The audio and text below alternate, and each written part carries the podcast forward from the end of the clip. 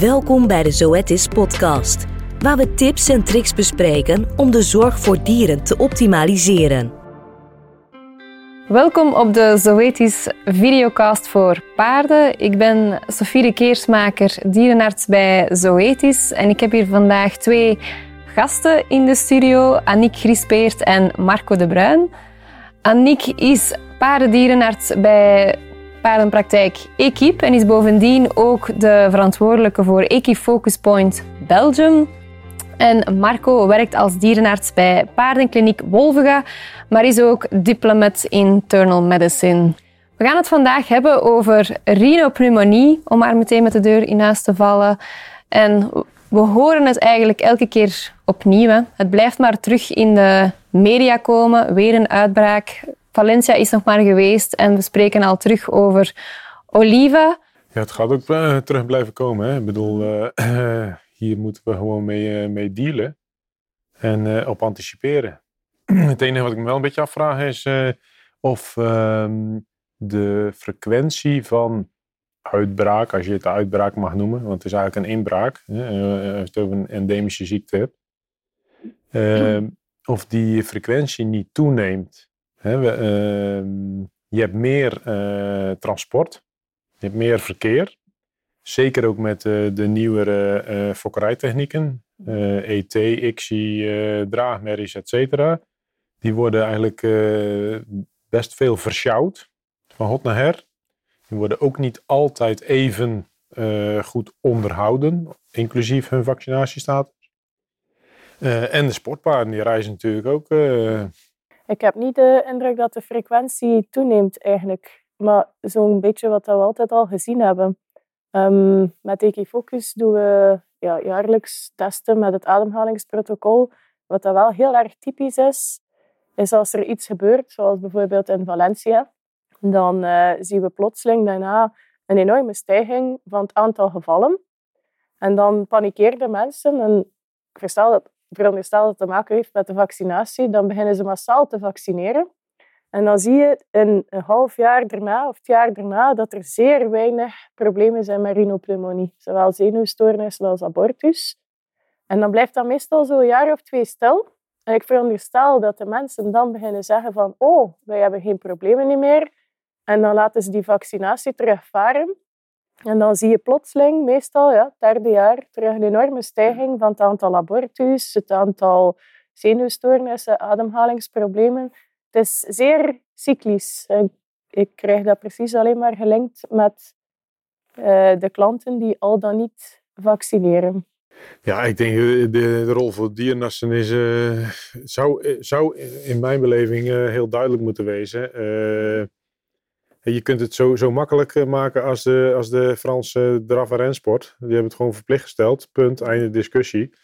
En uh, de, de, en zeker de wat ouderen die ook nog andere diersoorten hebben gedaan, die zouden toch in de beleving moeten zijn van kijk, we hebben uh, gehad, we dealen met IBR en we dealen met EHV. Ja, klopt. En hoe heet het, uh, bij uh, Ojeski zeiden we het ook niet van, uh, ik doe het niet, ik doe niet mee. Of als jouw melkveehouder IBR vrij wil worden, dan zegt de dierenarts toch ook niet van, nee, ik ben tegen vaccineren. Ja, ik denk dat er een heel belangrijke taak is. Ik weet ook niet hoe dat komt, maar meestal is er heel veel weerstand, vooral van ja, mensen, paarden, eigenaars, om te vaccineren. Maar er zijn ook nog altijd dierenartsen die niet staan te springen om te vaccineren. Hè. Ja, iets dat we veel horen is van vaccinatie beschermt niet tegen de neurologische vorm. Wat is jullie mening daarover? Maar weet je wat je nu uh, krijgt? En het, het, begint al een beetje te schuiven. Maar we hebben uh, met de KNVD de richtlijn in 2015 opgesteld dat uh, een bedrijf met een neurologische casus ten gevolge van Rino zou moeten sluiten. Uh, als die moet sluiten en die heeft verschillende paarden, dat zou betekenen uh, uh, dat zo'n bedrijf dicht moet tot drie, vier weken na de laatste koortscasus, na de laatste viremische casus. als jij 30, 40 paarden op stal hebt, dan ben je dus drie, vier maanden onderweg.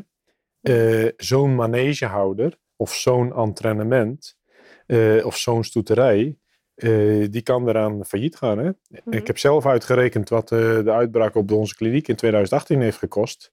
Eh, ik zal het bedrag niet noemen, voor de geïnteresseerden die mogen het weten. Wil ik het best vertellen.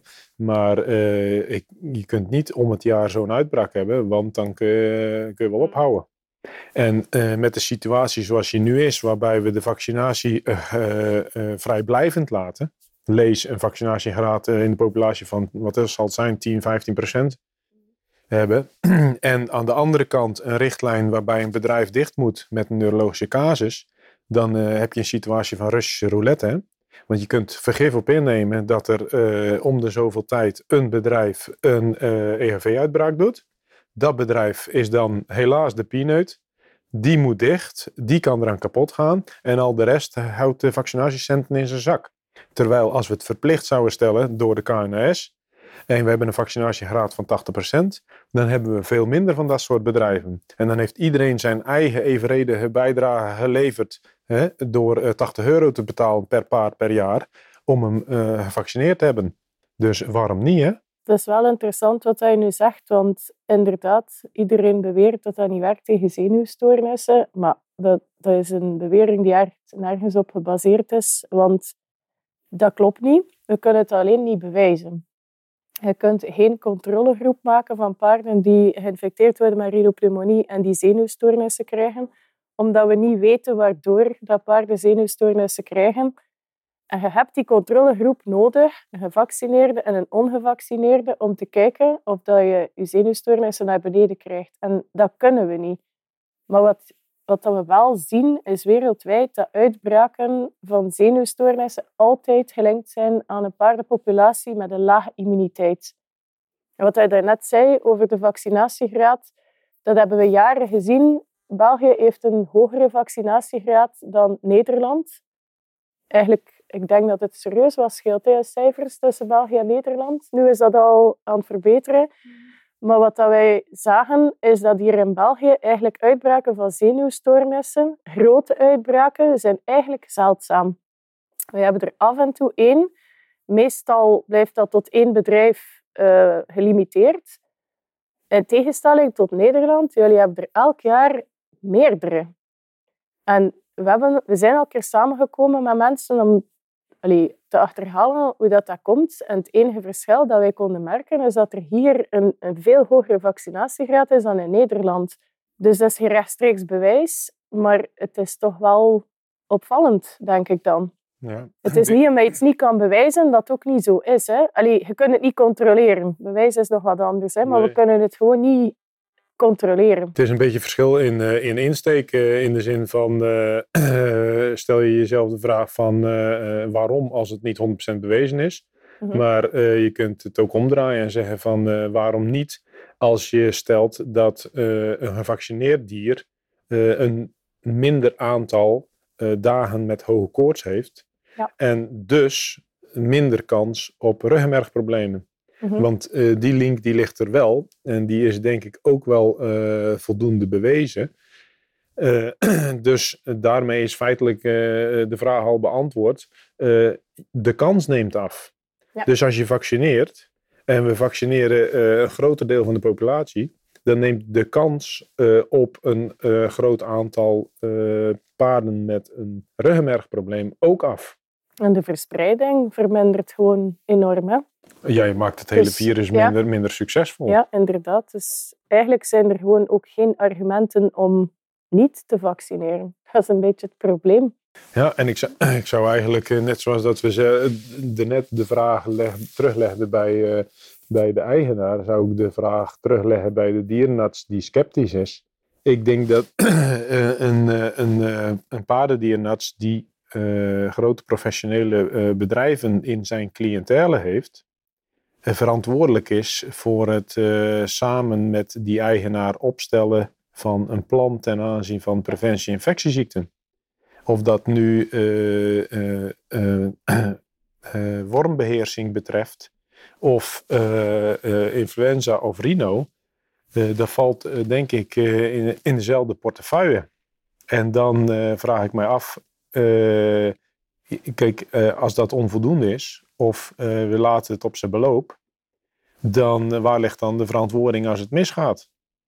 Ik verwacht eigenlijk dat eh, een dierenarts, een professionele paardendierenarts, die klant zodanig professioneel begeleidt dat hij daar samen een plan voor opstelt van hoe ga ik proberen vo de, voorkomen dat ik hier een rhino-uitbraak krijg.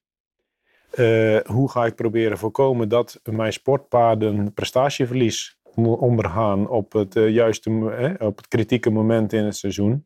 Hoe ga ik hier uh, op deze stoeterij abortus voorkomen? En daar hoort vaccinatie gewoon als wezenlijk onderdeel bij. En daar is voldoende van bewezen. Dus als, als zo iemand dat niet oppakt op de goede manier, dan vind ik hem eigenlijk nog haast verantwoordelijk. Mm.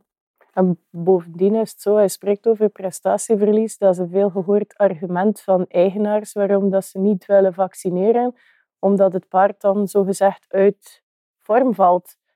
Maar wat zijn die twee dagen of drie dagen dat ze een keer wat minder kunnen trainen? Want als uw paard de effectieve ziekte krijgt, is hij voor weken Ja, is hij er zes weken uit, hè? Dus het lijkt mij zeker niet onmogelijk om dat gewoon in te plannen in een trainingsschema van een paard, dat je twee keer per jaar, twee dagen of drie dagen een keer wat minder traint. Dat, moet toch haalbaar zijn? Dus ja, en de eindreacties, ja inderdaad, ze kunnen er ziek van zijn, maar als je dat weet, ik denk dat het vooral belangrijk is dat de eigenaar ook waarschuwt. Hij zegt, kijk, hij kan er last van hebben, dus laat hem een paar dagjes met rust. En is, heb een eigenaar die echt daar overgevoelig voor is en die dat vreselijk vindt, dan stel je gewoon voor om hem ontstekingsremmers bij te geven, is dat probleem ook opgelost. Dus er zijn manieren genoeg, denk ik, om, om ermee om te gaan. Ik denk dat je gewoon goed moet... Ja, dat de taak is als dierenarts, zoals hij zegt, hij communiceert met uw klant, hij juiste informatie geeft. En, en dat je gewoon ja, doorzet eigenlijk. Hè? En net zoals dat we bij het COVID-vaccin eigenlijk telkens te horen kregen van uh, neem misschien een paracetamol en uh, wees er u van bewust dat je misschien een pijnlijke arm gaat hebben. Het is ook geen reactie die abnormaal of gevaarlijk is. Het is niet leuk, maar het is noodzakelijk om voldoende immuniteit op te wekken. Hè? Want we werken met een, een dood vaccin. En als je gewoon een stukjes virus inspuit, dan doet je lichaam daar niks op, want dat is niet gevaarlijk.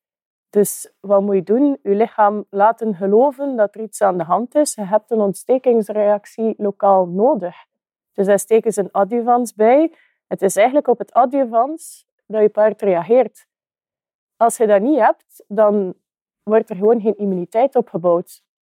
En bepaalde paarden hebben daar een, reageren daar overmatig op. En dat is je eindreactie het is niet dat die gevaarlijk is. Hij is vervelend, maar hij is noodzakelijk voor de opbouw van een goede immuniteit. Anders krijg je gewoon geen immuniteit. En dat is ook een beetje... Ja, daar ben ik eigenlijk wel een beetje benieuwd naar ben, maar het zal niet zo makkelijk geweest om te, uh, te achterhalen. We hebben uh, vrij veel uh, dravers in onze cliëntelen. En die nou, werden lang niet al, allemaal gevaccineerd. Nu sinds kort natuurlijk met de verplichtstelling door de, de Franse NDR wel. Mhm. Maar die uh, entrainementen hebben uh, wel uh, frequent een periode van vormverlies. En mm -hmm. soms, er wordt natuurlijk uitgebreid bloedonderzoek gedaan, heb je echt wel het idee van, kijk, dit is viraal geïnduceerd. En die, zijn dan, die hebben dan, nou ja, één à twee maanden dat die hele stal gewoon minder vorm heeft. Mhm. Nu hebben we ook wel eens fanatiek getest, uh, eh, 1 en 4, maar ook wel eens 2 en 5. Ja. Dan sturen we die 2 en 5 nog wel naar België, want die werden in Nederland natuurlijk niet, uh, niet gepc'd. En dan uh, zijn die ook wel vaak positief. En dan vraag ik me altijd af van, ja, die herpesvirussen die zitten voor sommige periodes van vormverlies er toch wel, ja, toch wel voor iets tussen. En die, die 2 en 5 zijn daar typisch voor. Hè? Dat zijn, dat zijn gamma-herpesvirussen. Dat is eigenlijk helemaal anders dan de 1 en de 4. Hè? Maar dat zijn de equivalenten van klierkoorts bij de mens. Dus echt ziek zijn ze daar niet van, maar het ondermijnt een immuniteit en een vorm. En dat kan weken aanhouden. Het zijn er ook die elk paard als als veulen mee besmet wordt. Meestal krijgen ze het zelf wel van de merrie. En die opflakkeren op momenten dat ze ja, veel stress hebben. Dus als dat één keer per jaar gebeurt, dan veronderstel ik dat die paarden zo'n beetje op het eind van hun Latijn aan het raken zijn. Dan krijgen ze zo allemaal van die zulke dingen. Hè. Ja. Het is op zich niet raar. Hè. Topsporters hebben ook af en toe keer een moment nodig om bij te komen. Hè. Ja. Het zou voor mij een extra reden zijn om die hele stal wel te doen. Ja. Eh, al was het maar om de, eh, de eh, algemene weerstand haast Ja. op een hoger pijl te, te brengen en langer te houden. Hè? Dankjewel, Annick en Marco, voor opnieuw een heel boeiend gesprek. En het laatste is er zeker nog niet over gezegd, over eh rhinopneumonie. Nu, ik zou zeggen, neem zeker ook nog eens een kijkje op de vetzone van onze Zoetis website. Daar zijn allerlei kant-en-klare materialen terug te vinden die je eigenlijk via social media met uw klanten kan eh, delen. Dus ik zou zeggen, ga zeker een kijkje nemen. En dankjewel, Marco en Annick.